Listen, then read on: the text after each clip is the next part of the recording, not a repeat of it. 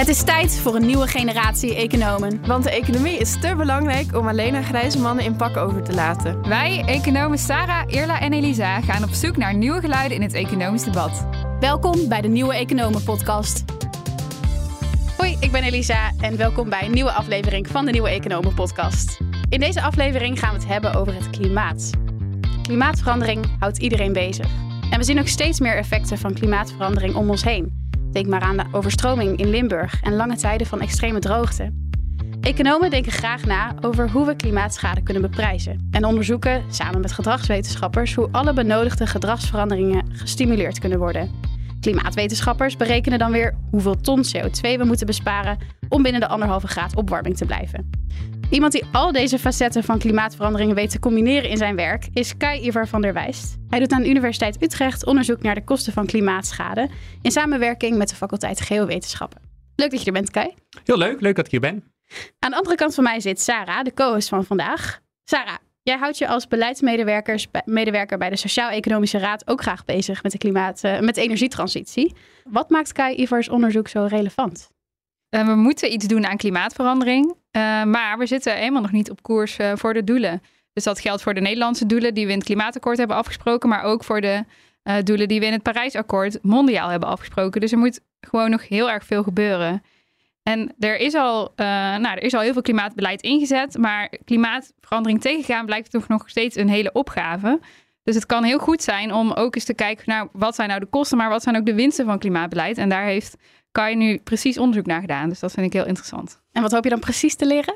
Nou, wat ik uh, net zei, maar ik ben ook nog wel erg benieuwd uh, naar de uh, aspecten van de meer just transition. En dat is dus dan een begrip wat gebruikt wordt om de kosten en ook de, de, de gevolgen voor het individu, zeg maar, wat eerlijker te verdelen. Dus bijvoorbeeld de vervuiler betaalt. Of kijken naar de, de vermogens en de inkomenseffecten van klimaatmaatregelen. Nou, als je die winsten in kaart brengt, misschien dat je daar dan ook wel iets over kan zeggen. Of dat beleid daar, of dat debat daarover wat verder kan brengen.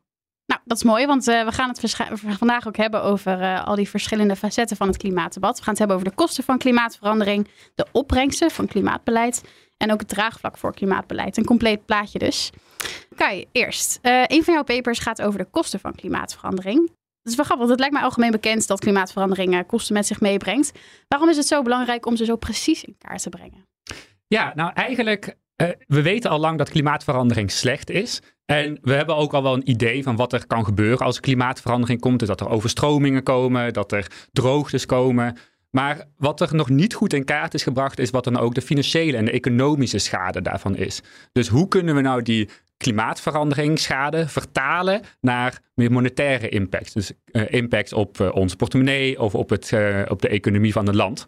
Maar die economische lasten, die economische kosten van klimaatverandering, die kun je dan meenemen in je beleidsplanning. Want als je eenmaal weet hoe slecht klimaatverandering is, dan is de hoop dat je ook meer en sneller iets gaat doen tegen die klimaatverandering. Als je, daar gaan we later nog op terugkomen. Maar als je eenmaal weet hoe slecht het is, dan betekent het ook dat als je er iets aan doet, dat het dan minder slecht wordt. Ja, dat is een goede probleemanalyse dus. Ja, eigenlijk wel, ja. ja. En wat er nog, ook nog bij komt kijken, en daar komen we ook nog, denk ik nog later op terug, is er is nu een heel debat over welke landen nou last hebben van klimaatverandering en wie daar nou voor moet betalen. En in dat debat moet je ook een goede kostenplaatje hebben van hoeveel geld er nou eigenlijk zou moeten gaan van landen die de oorzaak, die de oorzaak zijn naar landen die uh, de gevolgen ervan ondervinden. Want jij hebt echt uh, eigenlijk wel een internationaal onderzoek gedaan. Want heel vaak in Nederland hebben we het vooral over het Nederlands klimaatbeleid. Wat moet Nederland doen? Maar jij kijkt eigenlijk naar de hele wereld. En hoe, hoe verhoudt zich die inzet van klimaatbeleid naar andere landen en meer dat plaatje. Inderdaad, ja. ja wij proberen uh, in samenwerking met uh, experts uit uh, verschillende landen, proberen wij de klimaatveranderingsschade in kaart te brengen over de hele wereld. En dat is ook wel nieuw aan dit onderzoek, is dat het niet alleen maar één klein stukje van de wereld of één kleine uh, deel van die klimaatverandering die dan uh, in kaart gebracht wordt. Maar we proberen het zo, zo integraal mogelijk te bekijken. Dus de verschillende, de, zoveel mogelijk schades bij elkaar te doen. En ook nog op zoveel mogelijk regio's, zodat je het goed kunt vergelijken. Als je niet goed, of als je van één land heel veel data hebt, van een ander land veel minder data, dan is dat veel minder goed met elkaar te vergelijken. En klimaatverandering brengt natuurlijk heel veel verschillende soorten kosten met zich mee. Wat voor kosten nemen jullie dan allemaal mee? En, en hoe weet je nou of je alles meeneemt? Nou, ten eerste weten wij, wij weten dat we niet alles meenemen. Uh, dat is een, eh, een, een, heel belangrijk in dit onderzoek, maar we weten ook wat dat we zoveel mogelijk meenemen. En er zijn een paar kostenposten die uh, voor economen net wat makkelijker uh, economisch in te schatten zijn. Dan hebben we het over uh, de schade van zeespiegelstijging. Dan kun je wel uitrekenen wat er nou gebeurt als, er, als de zeespiegel stijgt. Dus hoeveel huizen er overstroomd worden, hoeveel minder land je kunt gebruiken. maar daarnaast kijken we ook naar overstromingen door heftige regenval, zoals we laatst in Limburg zaten, zagen. Wat je nu ook in Pakistan ook veel ziet. we kijken ook naar de effecten van droogtes. Als er uh, heel weinig als er lange hittegolven zijn, uh, dan gaan de voedselprijzen omhoog. Dan zijn er ook meer schaarste. Dat nemen we ook mee. we kijken nog naar effect van hittegolven op hoe goed mensen kunnen presteren op de werkvloer. dus dat er minder, als het opeens heel erg warm is, dan kun je ook minder goed werken. en zo hebben we dus wel een, zoveel mogelijk aspecten van klimaatverandering meegenomen. En maken jullie dan ook verschillende scenario's, bijvoorbeeld voor anderhalf of twee graden? Of voor wel een dijk bouwen en geen dijk bouwen, dat soort dingen? Ja, zeker ja.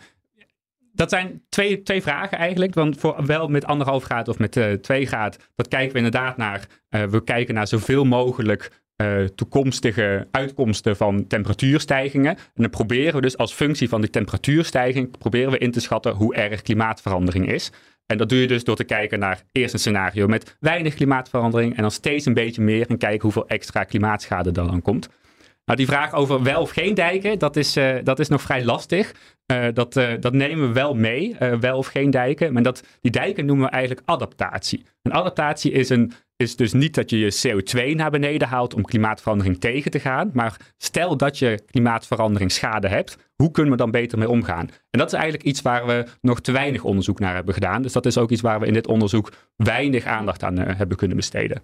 Ja, ik snap het wel. Je wil natuurlijk eerst voorkomen dat het überhaupt nodig is. Maar uh, nou, met, zelfs met anderhalf graden hebben we natuurlijk al best wel een probleem. Dus. Zeker, ja. We hebben echt beide nodig. We moeten zeker naar beneden halen. Maar zelfs dan, uh, je ziet nu al dat er veel schade is door klimaatverandering. Ook al zouden we nu helemaal stoppen, moeten we alsnog iets doen tegen die overblijvende schade.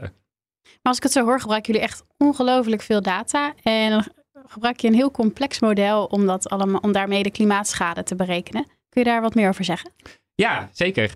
Die, al die verschillende data die wij krijgen, die um, hebben wij niet zelf uh, berekend. Die komt dus allemaal van allerlei verschillende teams die dan expert zijn in bijvoorbeeld zeespiegelstijging of in uh, overstromingen door, uh, door he hevige regenval. En die komen er allemaal samen in een groot model. Daar krijgen wij dan een, kunnen we een, een, klein, een, een functie van maken. Dus hoeveel klimaatschade er is als functie van temperatuur.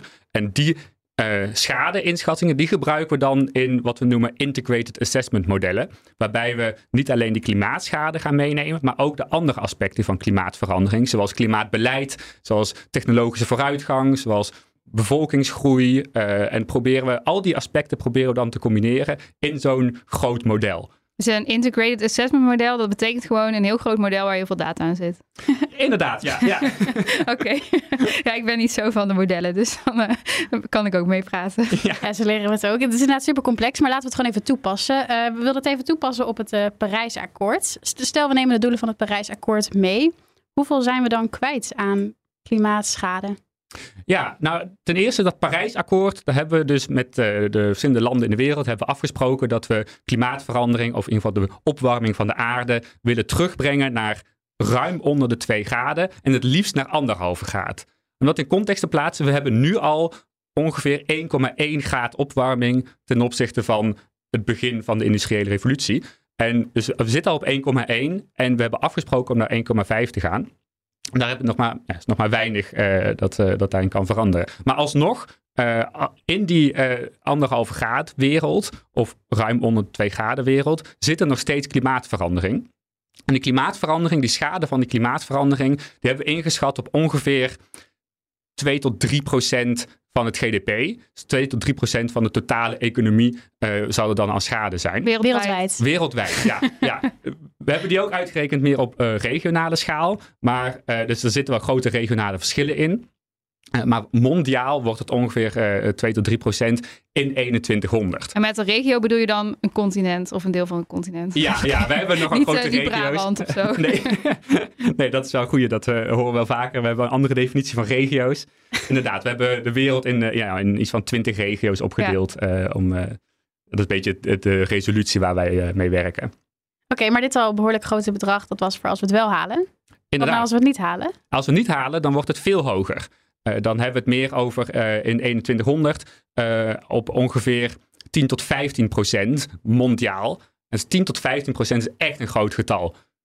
Zelf vind ik 10 procent niet eens zo heel veel klinken. Maar als je het vergelijkt met de budgetten van um, de gezondheidskosten of van de, de onderwijs van, een, van een land, dan zit je echt gewoon een beetje die orde van grootte. En dat is echt gigantische impact. Dus dat is niet alleen 10% GDP-verlies, het is ook gewoon wereldwijde heel grote uh, veranderingen aan, je, uh, aan je, je wonen, aan je, je leven, aan je, aan je economie. En als je het dan zo over 2100 hebt, zijn er dan kostenposten die extra groot zijn dan? Ja, hoe langer je in de toekomst gaat kijken, hoe meer bijvoorbeeld uh, zeespiegelstijging mee gaat tellen. Dat is iets wat heel, heel traag gebeurt. Dus in het begin zul je daar niet heel veel van merken, maar beetje bij beetje worden die kosten steeds hoger. dus dat is een deel wat, wat wel, wel groter wordt. Maar we hebben in deze studie ook niet goed kunnen kijken naar de individuele bronnen van schade. Uh, dus het is vrij lastig om te kijken welk deel nou precies door droogtes komt en welk deel nou precies door overstromingen komt. Uh, we weten alleen dat in ieder geval het zeespiegelstijging gedeelte wordt steeds groter. Zeker als we niet de dijken uh, gaan ophogen. Uh, dan, uh, dan wordt dat uh, wel belangrijk. We weten ook dat als we die dijken wel gaan verhogen, en dat is eigenlijk niet eens zo heel duur, dat dat zeespiegelstijging eigenlijk best wel meevalt.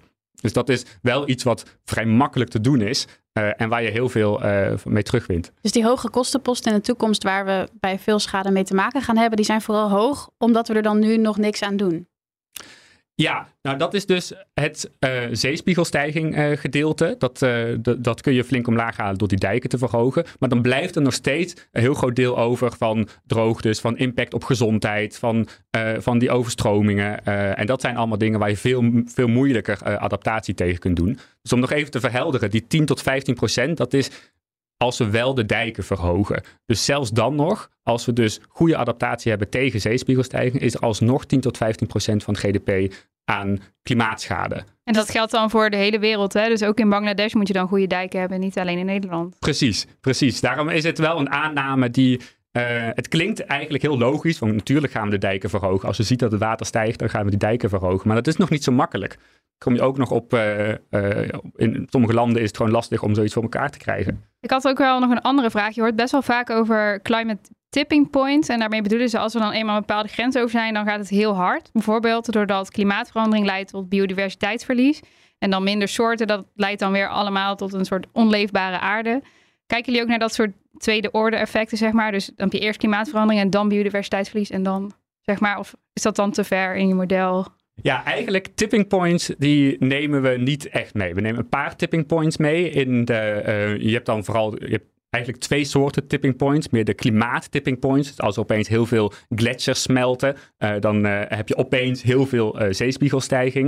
En dan hebben we ook nog de, wat we noemen de meer sociaal-economische tipping points. Op een heel kleine schaal, bijvoorbeeld als er in een Oostenrijks dorp opeens geen sneeuw meer is, dan stort daar de hele ski-economie in. En dat is natuurlijk op klein aspect, maar dat heeft wel grote gevolgen daar. Nou, dat tweede nemen we wel mee.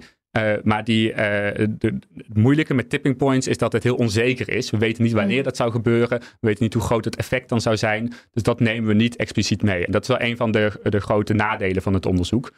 Het, wat je ook nog zei, is het deel over biodiversiteit. En biodiversiteit is ook een deel wat we niet meenemen. Want we weten dat klimaatverandering heel slecht is voor biodiversiteit. Maar het is heel moeilijk om daar een economisch getal aan te koppelen. Mm. Het is heel moeilijk om te zeggen van hmm, het kost 3% of 5%, zoveel procent van je GDP als je uh, biodiversiteitsverlies is. Ja, DNB die heeft er wel een studie naar gedaan. Maar uh, het is dat dan alleen voor de financiële sector. Maar we zien wel heel erg uh, bij de SER werk ik ook dan aan de uh, energietransitie en aan duurzame ontwikkeling. En we zien heel erg dat biodiversiteit nog een beetje als een nieuw onderwerp uh, binnen duurzaamheid te denken wordt gezien. Terwijl eigenlijk het heel erg samenhangt. Ook met die andere onderwerpen zoals klimaattransitie.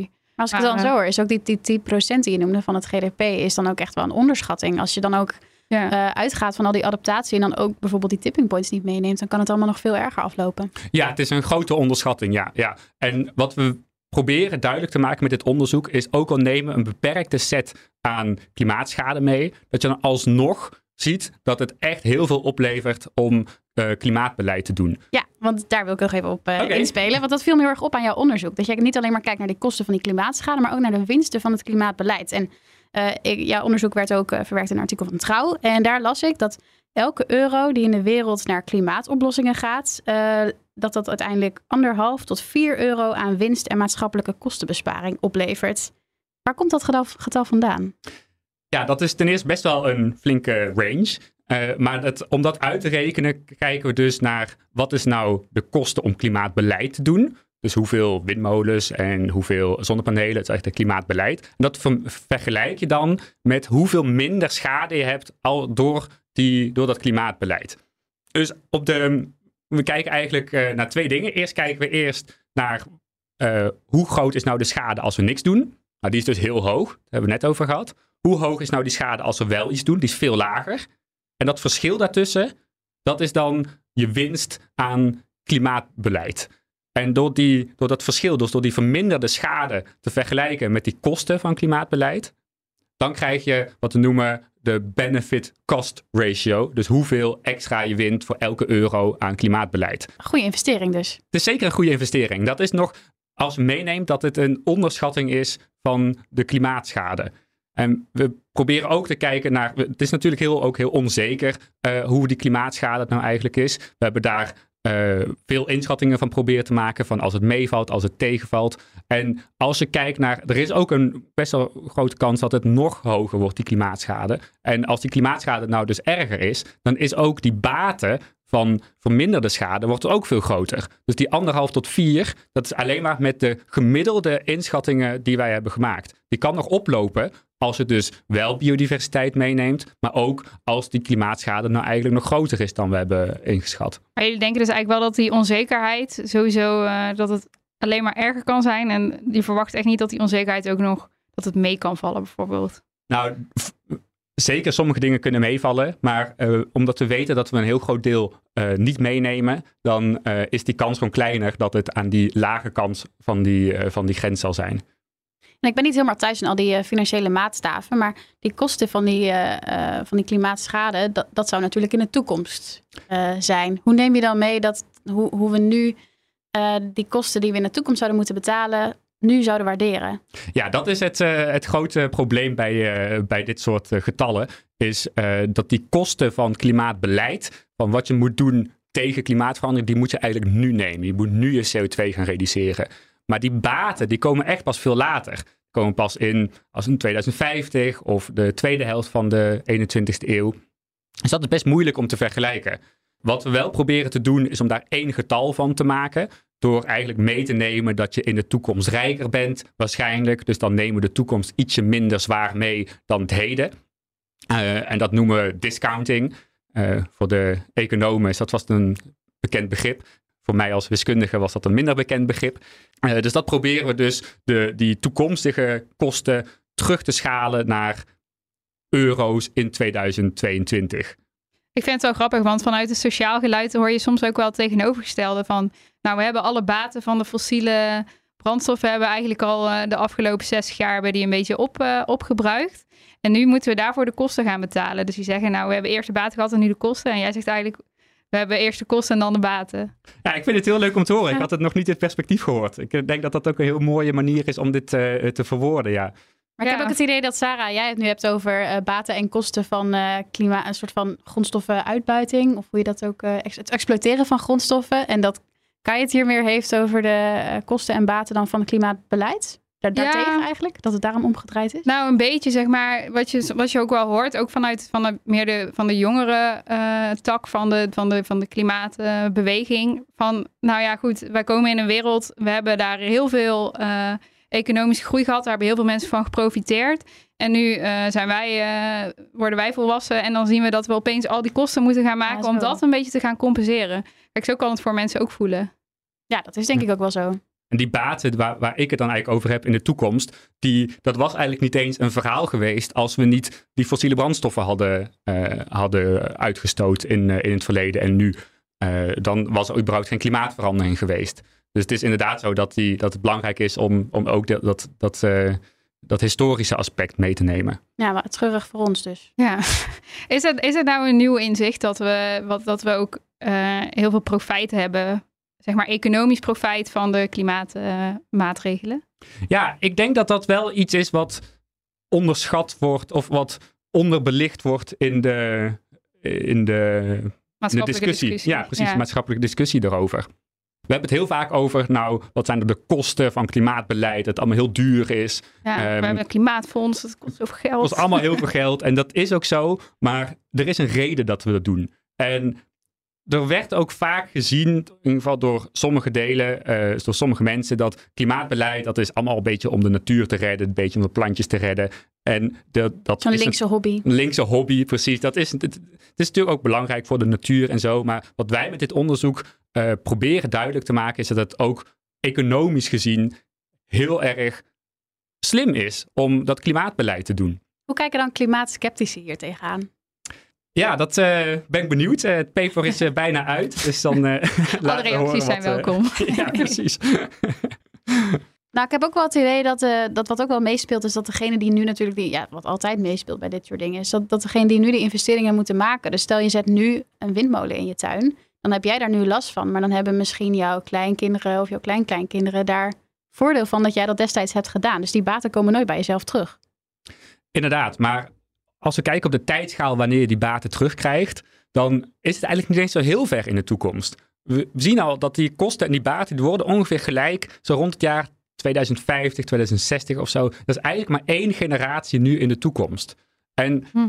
persoonlijk vind ik dat niet zo heel veel. Dat, nee. Je doet het dan eigenlijk voor je kinderen. En voor jezelf. En wij voor zijn er dan ook nog. Wij zijn er dan zeker nog, ja. Maar je ziet ook wel dat het draagvlak voor klimaatmaatregelen onder jongeren veel hoger is.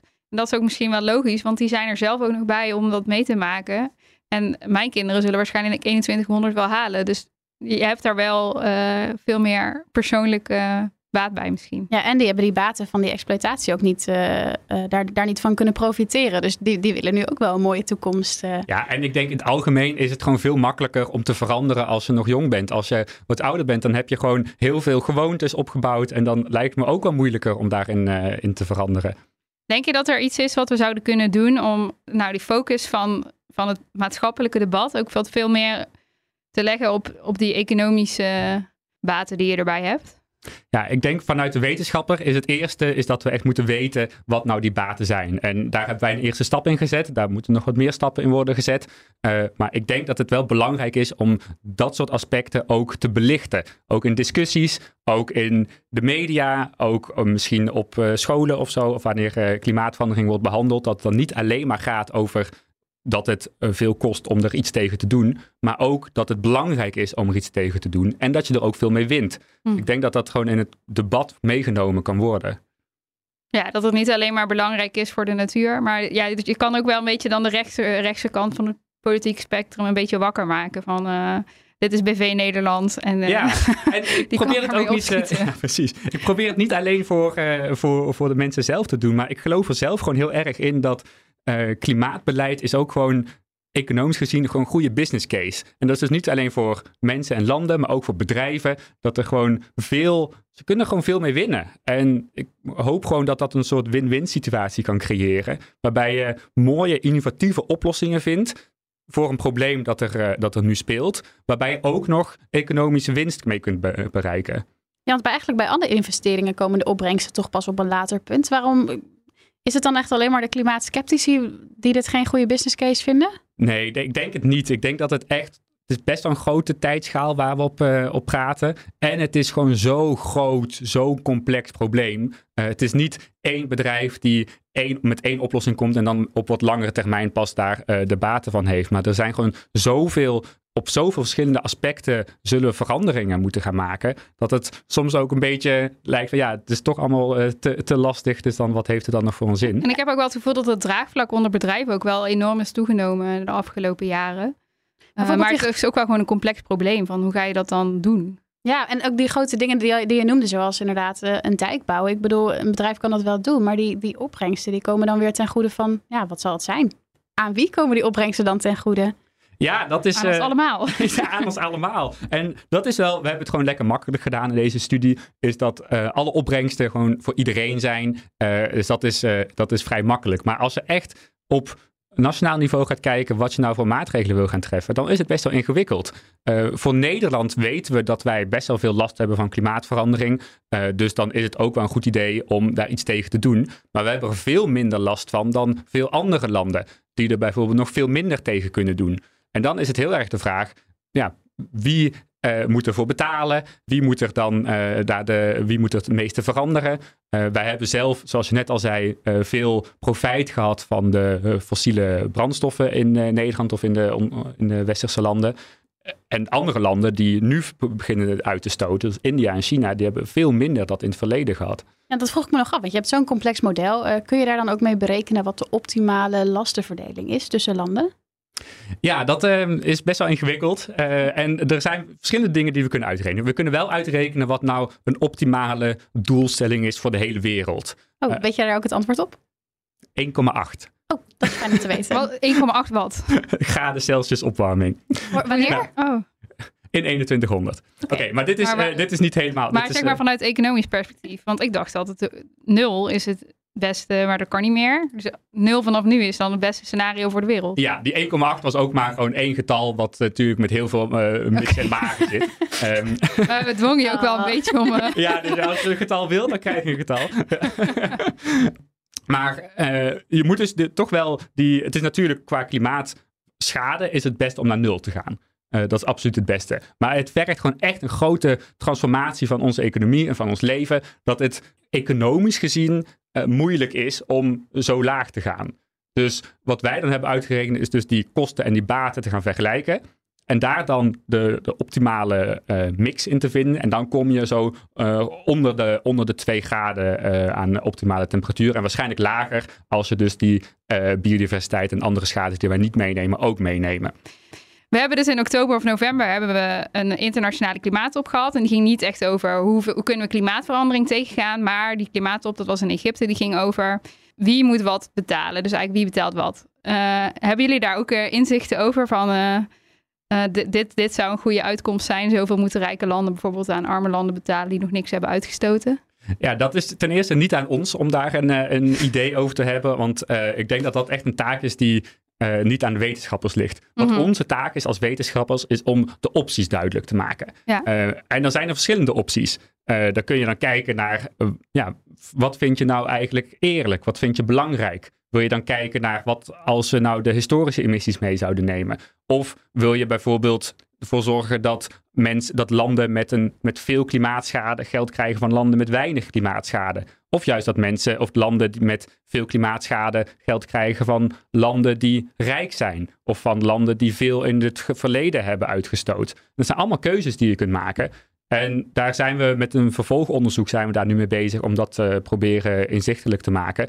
Door gebruik te maken van die nieuwe inschattingen van die schade. En dan toch die ethische aspecten proberen te integreren. Dus dan heb je eigenlijk een, een overzicht van de lasten die verschillende regio's en verschillende landen zullen dragen. En dan hoe ze dan aan die lasten, hoe ze aan de inkomsten om die Ja. lasten te betalen komen, dat is dan een ethische kwestie. En jullie maken daar verschillende scenario's over?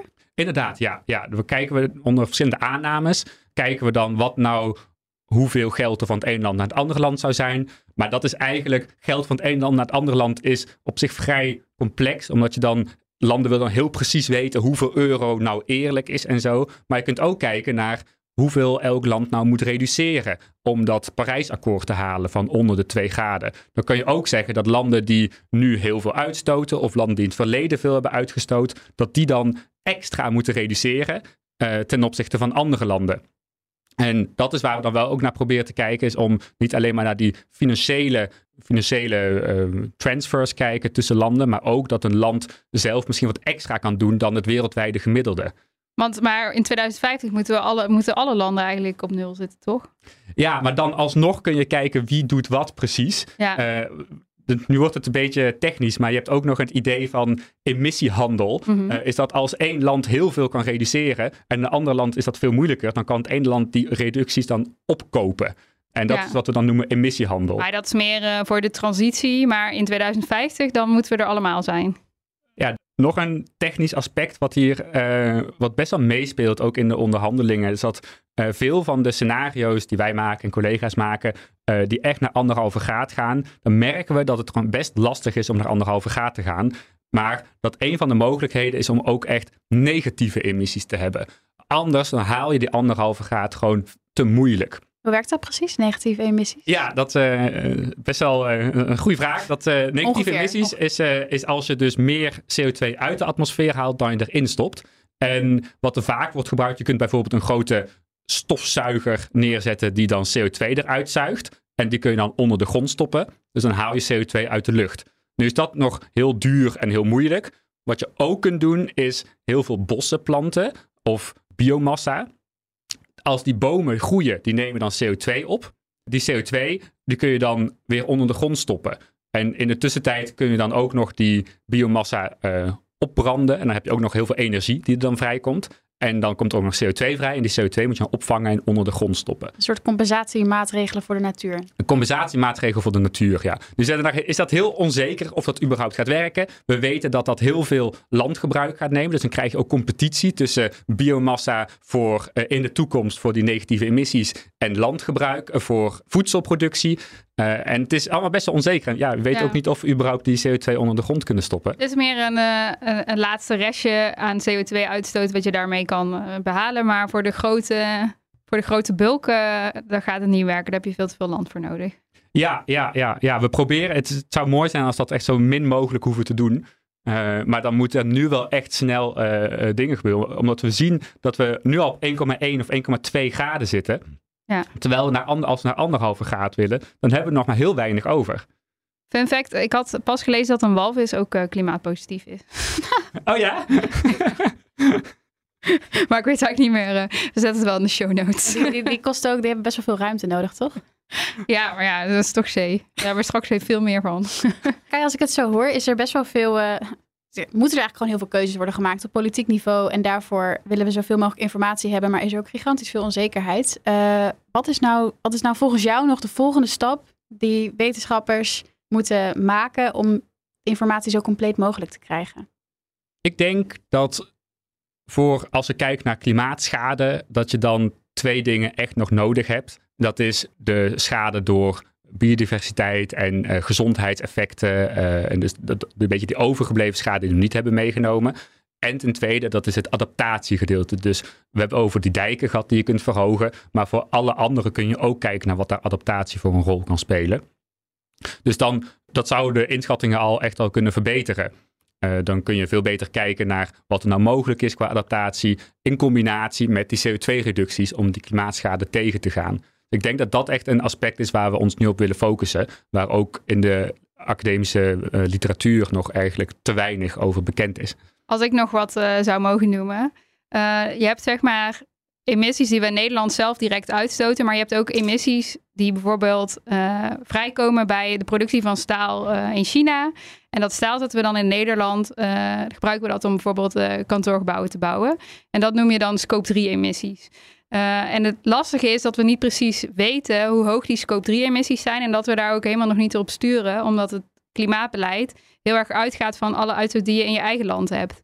En ik denk als we daar nou veel meer over weten, dan kunnen we ook eh, zeg maar de consumptie van spullen en eh, de emissiereductie van bijvoorbeeld energie, kunnen we dan veel meer aan elkaar koppelen. Dus ik zou daar heel graag veel meer over weten, willen weten. Dus als je daar eh, nog ooit onderzoek over zou willen doen. eh, Ja, we hebben collega's die daar onderzoek naar doen. Eh, ik weet er zelf heel weinig van. Ik zou daar ook Ja. wel meer over willen weten. ja. Maar die toevoegingen die je net noemt, Kai, en ook dat wat Sarah net zei, eh, zijn dat dingen die kunnen worden geïntegreerd in dat eh, model dat jij gebruikt? Ja, zeker dat adaptatie en, dat, uh, en die andere effecten, dan zou dat, is dat denk ik wel mogelijk. De um, scope 3, ik wist niet dat je het scope 3 noemde, maar die... Uh, ja, dus zo, die, zo noemen wij dat altijd bij de ja, oh ja, mooi. um, maar die, die indirecte CO2-emissies, dat, uh, ik denk dat het ook zeker mogelijk is, maar dan moet je naar, meer naar een ander soort model kijken, waarbij je ook gaat kijken wat nou je handel is tussen je regio's. En dat zou een mooie uitbreiding kunnen zijn. Ed Nijpels die is net afgezwaaid als uh, voorzitter van het uh, uh, voortgangsoverleg Klimaatakkoord. Die zei altijd, we moeten in de rijksbegroting moeten we niet alleen de kosten, maar ook de baten van klimaatbeleid moeten we dat gewoon op gaan nemen. En dan is de politiek zo voor. Denk jij, zijn die klimaatbaten al klaar voor Prinsjesdag 2023? Of, uh... Als paper uit is, zou ik het naar uh, het Nijpels opsturen. ja, dat is goed. ik denk wel dat dat zou kunnen werken. Nou, ik denk dat, dus, dat daar verschillende dingen ook meespelen. Dat het dus niet alleen maar de baten van uh, verminderde klimaatschade, maar we merken nu in de energiecrisis die we hebben, dat we veel te afhankelijk zijn van fossiele brandstoffen van andere landen. Terwijl als je die uh, klimaatbeleid gaat uitvoeren, dan heb je veel meer energie uit je eigen land. En dan is dat ook gewoon veel zekerder. En je hebt dan nog meer baten, zoals uh, minder uh, luchtvervuiling, dat je meer groen hebt en zo. En dat doen we eigenlijk indirecte baten. of de, meer de co-benefits, dus de baten die erbij komen. Ik denk, als je dat allemaal bij elkaar optelt, dat je echt van Nederland wel een mooi plaatje kunt maken. Ja, ben benieuwd. Ik wil ook nog even een persoonlijke vraag stellen. Of ja, ja persoonlijke vraag, een persoonlijke noot. Uh, want jouw onderzoek heeft ook deels bijgedragen aan het zesde IPCC-rapport. Uh, samen met je vakgroep maakte je deel uit van de wereldwijde groep wetenschappers die samenwerkt en de, die rapporten uitbrengt over klimaatverandering. Ik kan me daar heel lastig een voorstelling bij maken. Hoe is het nou om mee te werken aan zo'n supergroot IPCC-rapport? Het is nogal wat.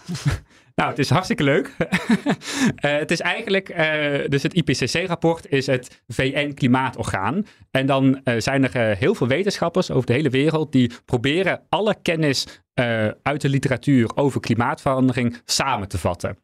Dat noemen we een assessment. En daar zijn wij in betrokken om een deel van het rapport te schrijven om die van die huidige literatuur dan samen te vatten. Nou, als we eenmaal dat rapport hebben geschreven, dat is best wel een interessant proces. Uh, dan, dat wordt gewoon puur door de wetenschappers geschreven, maar dat is een heel dik rapport. Dat is echt duizenden ja, willen alles opschrijven. Ja, je kunt alles opschrijven. Ja, het is echt heel dik. Dat gaan natuurlijk beleidsmakers nooit allemaal kunnen lezen. Dus wat er dan wordt gedaan, is dan wordt er een summary for policymakers gemaakt. Dat is een korte document van 10, 20 pagina's ongeveer, die waarover wordt onderhandeld en die goedgekeurd moet worden door landen. Door eigenlijk alle landen van de VN die dat willen. Lijkt me dramatisch. Dat is het soms ook wel, ja. Dat is een heel intense sessie. Dat is ongeveer één week of twee weken waar je dan samenkomt. Daarbij de wetenschappers komen. Die hebben dus, uh, hebben wij dus samen met collega's hebben we een... Uh, uh, vooral collega's eigenlijk, die hebben dan zo'n rapport, zo'n samenvatting geschreven.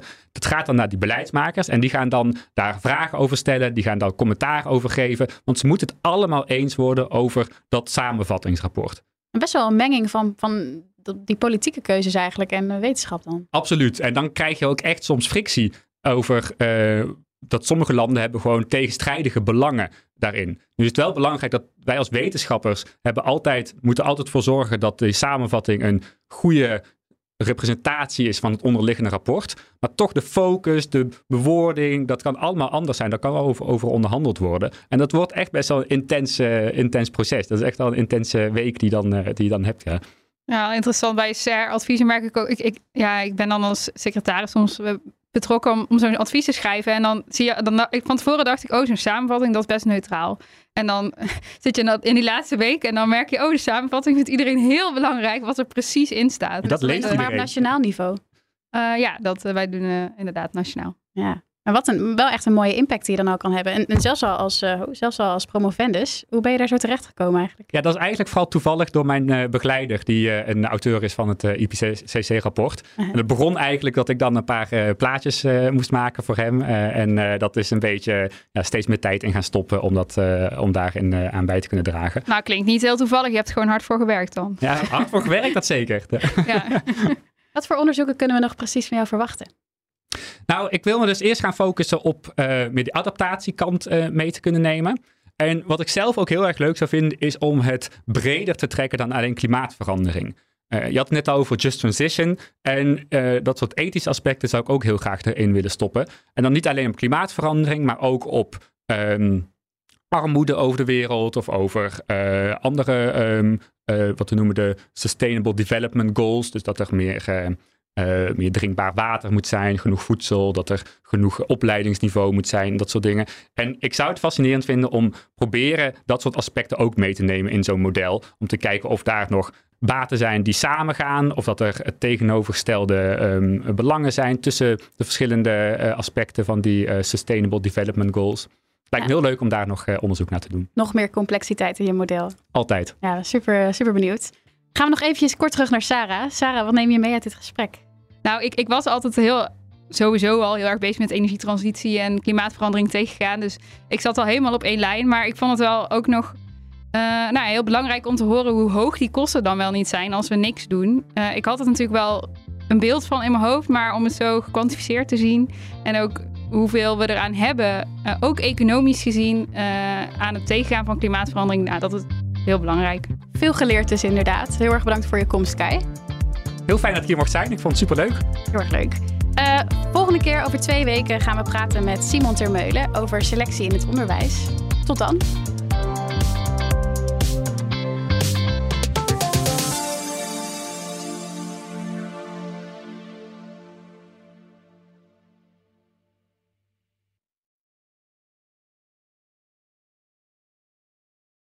Ook Thomas van Zeil vind je in de BNR-app. Je kunt live naar mij luisteren in Zaken doen. De BNR-app met breaking news, het laatste zakelijke nieuws... en je vindt er alle BNR-podcasts, bijvoorbeeld Het Nieuwe Geld. Download nu de gratis BNR-app en blijf scherp.